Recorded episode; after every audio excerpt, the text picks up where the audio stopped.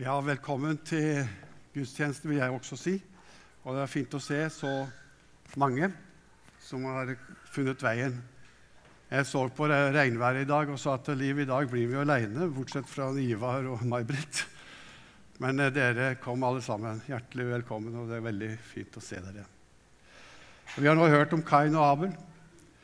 Og jeg syns det var så tragisk, det som teksten begynte med. Og mens de var ute på marken, sto det gikk Kain løs på Abel og drepte ham. Og Vi har hørt om at vi alle sammen skal frem for Guds domstol. La oss derfor ikke dømme hverandre, hørte vi. Vi skal heller hjelpe hverandre, slik at eh, vi ikke snubler og faller. La oss så reise oss og så lese den preketeksten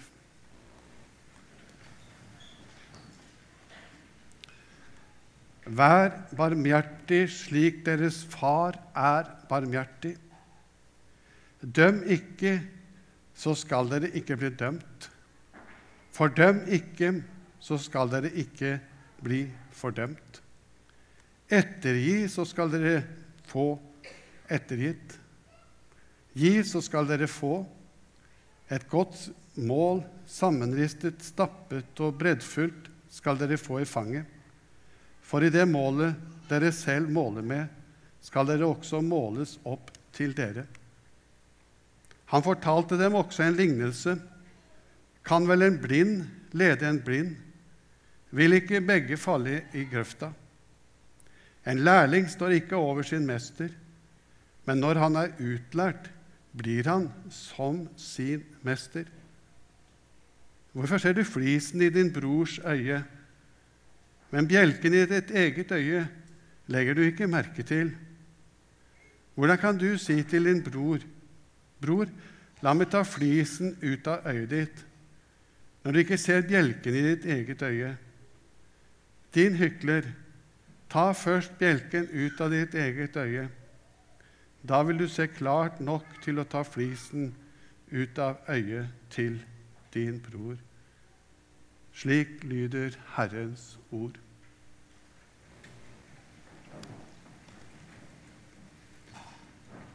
Vi har allerede vært eh, innenfor Guds åsyn i gudstjenesten og bekjent syndene våre.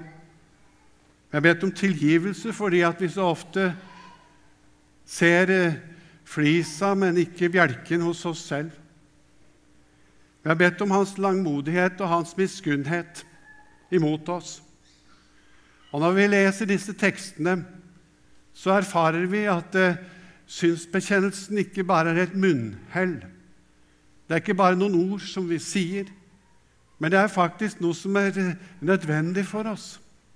Vi oppdager at dette er noe som vi trenger så sårt, alle sammen. Vi har virkelig blitt rammet av de ordene som vi har lest i tekstene, for vi dømmer hverandre. Og vi har så lett for å se flisen, men ikke bjelken hos oss selv. Og så har vi lest disse tekstene fra Bibelens første blader om historien som forteller om brodermord. Om konsekvensen av å bomme totalt på målet og meningen med livet.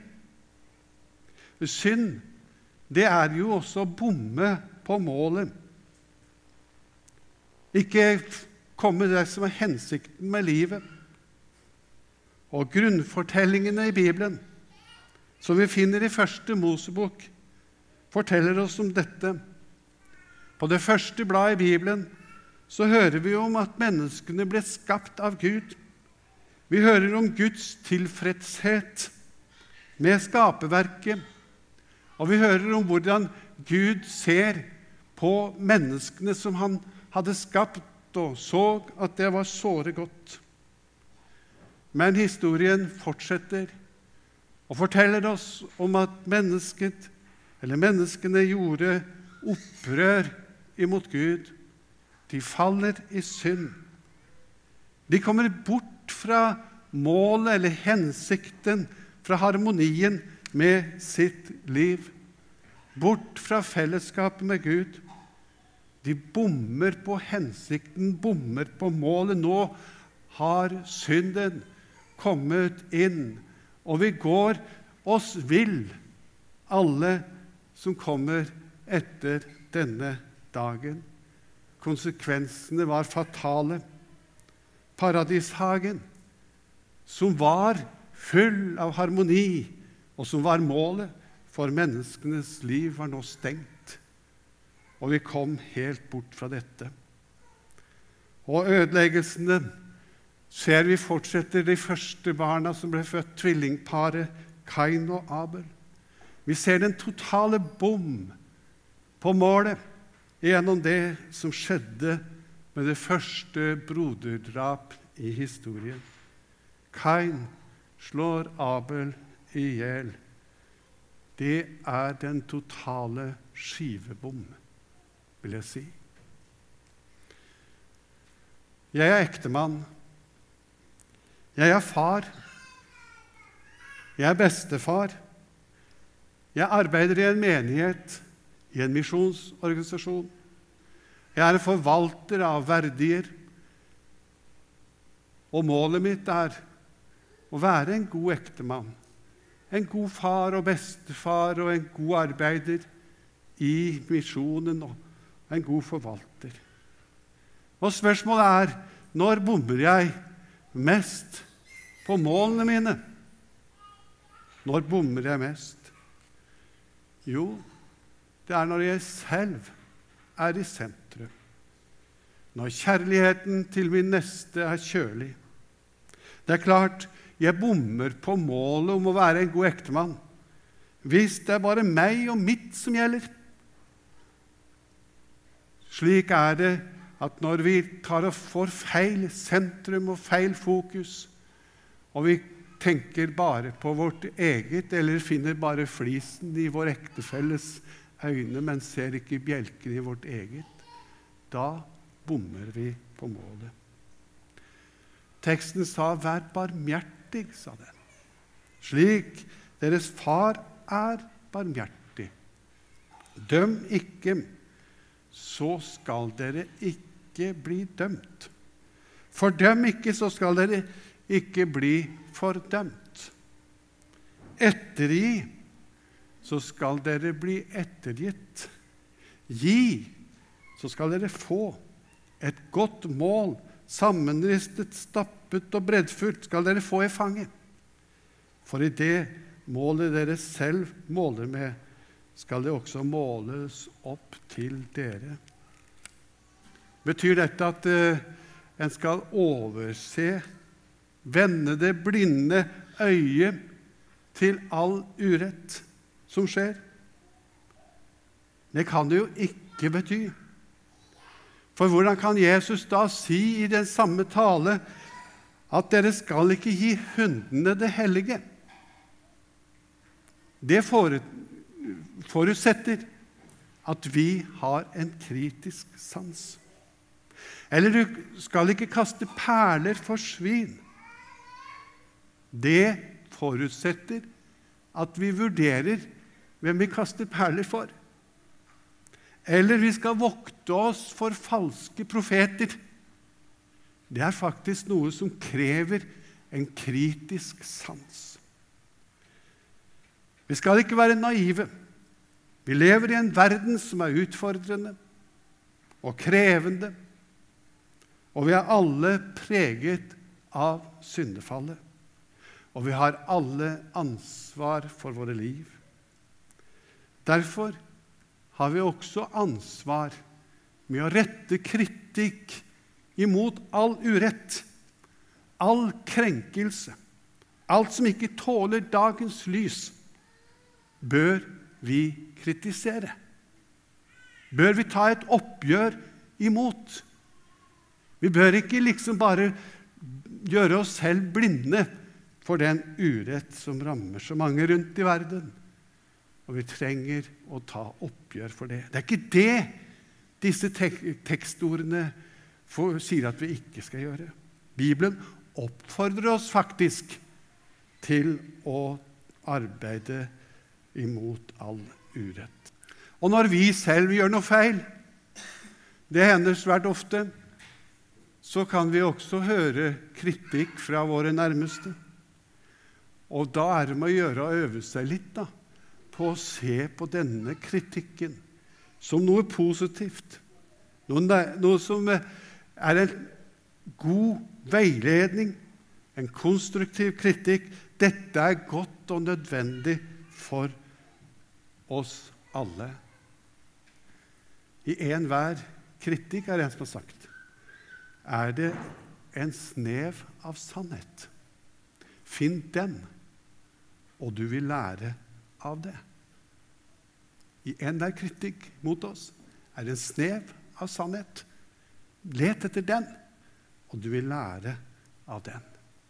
Men hva er det teksten egentlig snakker om da? Det er dømming. Å dømme. Fordømming. Mobbing. Det er noe annet. Vi er nemlig ikke satt som dommere over andre menneskers liv. Vi kan påpeke feil og kritisere feil livsførsel, men det skal være en kjærlig ånd, og det skal være en veiledning i det. Det vi skal være på vakt imot, det er denne dømmesyken, denne mobbingen, dette negative kritikken som kommer fordi en selv vil løfte seg opp i forhold til andre. En trenger så inderlig noen å stå på for å synes sjøl, for å bli bedre enn det en egentlig er. Det fordømmes i denne teksten. Det er det vi blir bedt om å tatt et oppgjør imot. Det er denne dømmesyken som Jesus advarer imot. Det er synd. Dømmesyke er synd. Og den skal, ja, nettopp, den skal kritiseres. Det er nemlig ikke du og jeg som er dommeren. Den oppgaven ligger hos Gud. Vi ser ikke skikkelig, vi, skjønner det. For vi har alle sammen bjelker i øynene våre. Vi er blinde. Og hvordan står det? Kan en blind lede en blind. Vi får ikke til det. Og vi er dypest sett blinde. Så blinde at det domsansvaret må tas ifra oss. Vi kan ikke foreta den endelige dom, for vi ser ikke bra nok. Vi ser ikke saken fra alle sider. Vi ser ikke menneskene. Vi, vi er blinde. Derfor er ikke det en oppgave å dømme min eller din, den ligger hos én, og det er hos Gud, for han ser. Vi må derfor eie ydmykhet. Ydmykhet i forhold til mennesker som har gått seg vill, som har det vanskelig, og som har gått virkelig på mange problemer i sin liv. En gammel mann ble spurt en gang hva har du lært i livet. Og da kom han som hadde lest så mye både i Guds ord og levd med Gud i lange tider. Kom etter en lang tenkepause. Jeg har lært en ting, han. Jeg skal ikke dømme.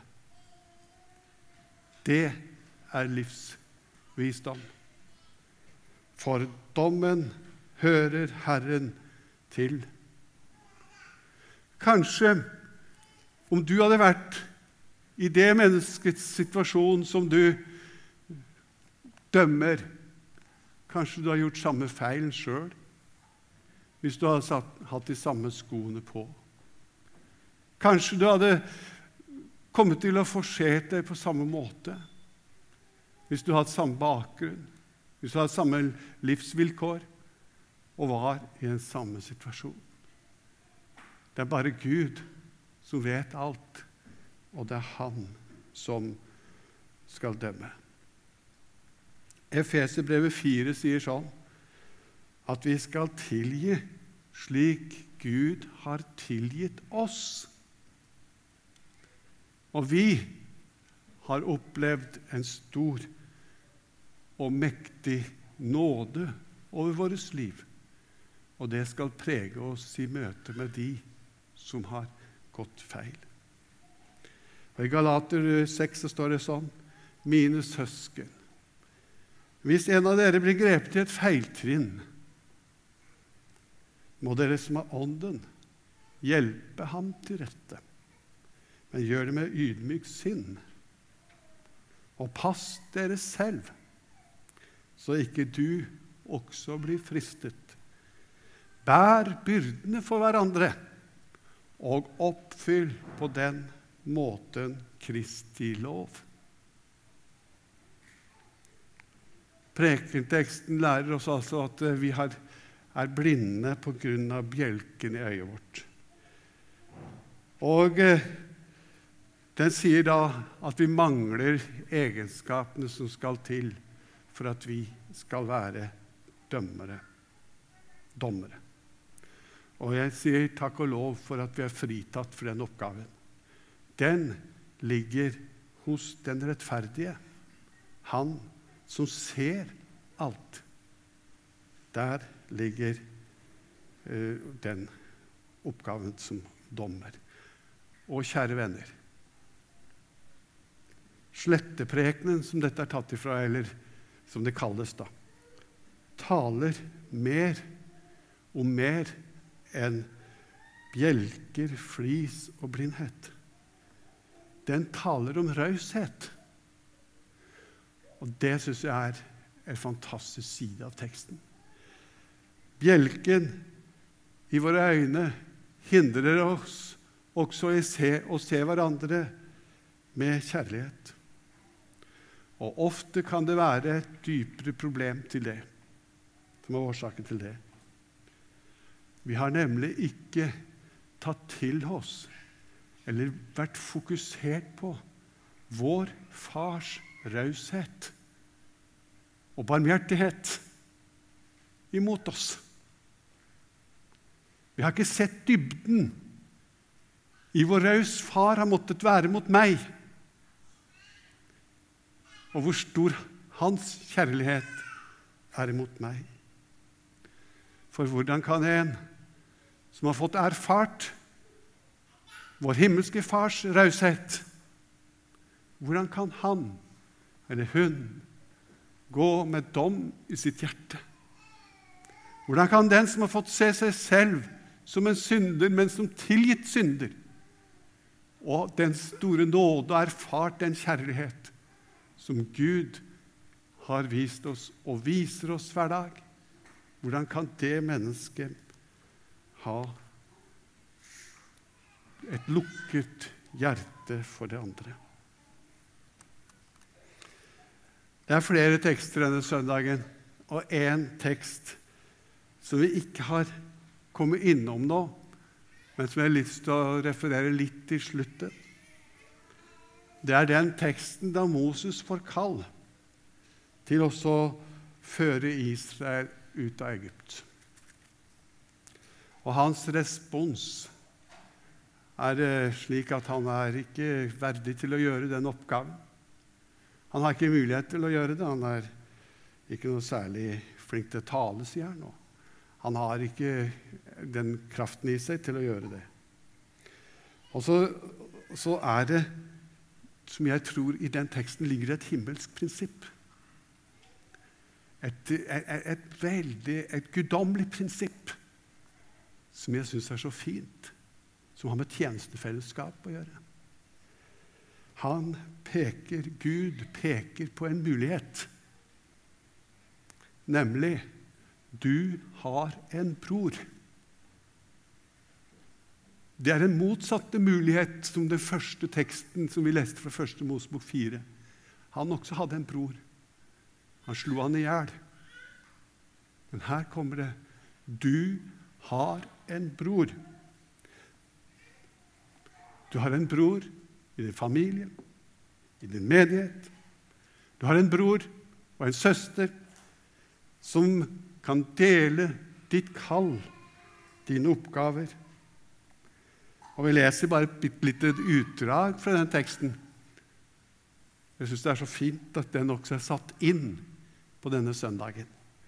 Men Moses sa til Herren, Herre, hør, jeg har aldri vært noen ordets mann, verken før eller nå, etter at du begynte å tale til din tjener.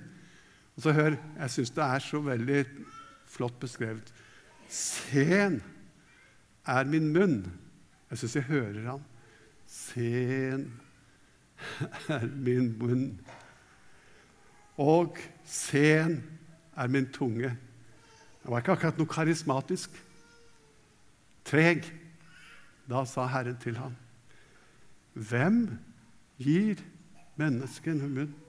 Hvem gjør stum eller døv, seende eller blind? Er det ikke jeg, Herren? Gå nå, jeg skal være din munn og lære deg hva du skal si. Men han sa, Herre, hør, send heller en annen. Jeg får ikke til denne tjenesten. Da ble Herren brennende harm og gjorde han oppmerksom på noe som han kanskje ikke hadde tenkt over. Og det er der det guddommelige prinsipp kommer inn. Har du ikke en bror? Gud spurte i fjerde kapittel Mose, 'Hvor er din bror?' Og nå spør han i denne har ikke du en bror? Har du glemt det? Du har en bror? Aron, levitten, jeg vet at han er flink til å tale. Han er allerede på vei for å møte deg. Gå han i møte. Og han gleder seg av hele sitt hjerte for å se deg. Snakk med ham, legg ordene i munnen på ham. Så skal jeg være med både din munn og hans munn og lære dere hva dere skal gjøre. Han skal tale til folket på dine vegne. Han skal være som en munn for deg, og du skal være som en gud for ham. Har du en bror?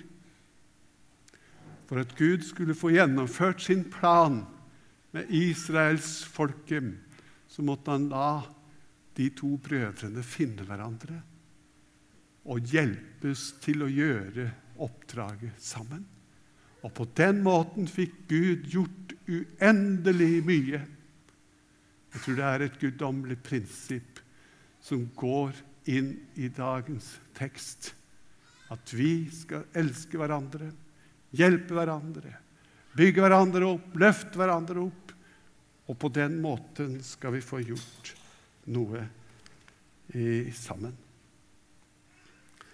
Så er det en liten konklusjon og noen læringspunkter, læringspunkter i forhold til tekstene som vi har hatt oppe i dag. Den første konklusjonen, eller første punktet, er 'døm ikke'. Det har vi lært. Det det vi skal ta med oss. Det andre vis raushet, du som har erfart det hos din himmelske Far. Og det tredje punktet gå. Gjør som Moses. Gå til din bror. Jeg leste på nettet i dag en artikkel i Dagen om ei ung jente som kom til Oslo. Og Hun kom og søkte inn i noen menigheter og ble sittende alene under kirkekafeen. Ingen tok kontakt med henne. Og det gjorde det slik at hun mistet troen. Ensomheten drepte troen, sto det. Ensomheten drepte troen. Gå til din søster, gå til din bror. Sammen vil vi bygge menigheten. Under den sangen vi skal synge nå, så ønsker vi å ta imot en gave til misjonen. Og det kan jo gis på VIPS. Det kommer vel opp nå, kanskje. Og ute i hallen så er det terminaler, og du kan bli en fast giver. Det er eh, fint hvis du tegner deg ute ved benken der ute. Og eh, det vil gå kollektinnsamlere rundt.